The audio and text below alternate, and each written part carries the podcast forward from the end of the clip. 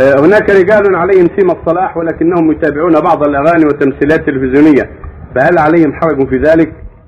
استماع الأغاني والتمثيلات الضارة المخالفه للشرع تضر الجميع تضر من يستمعها وينظر إليها. أما إذا سمع الأحاديث الدينية والقرآن والأخبار المهمة فلا يضره ذلك.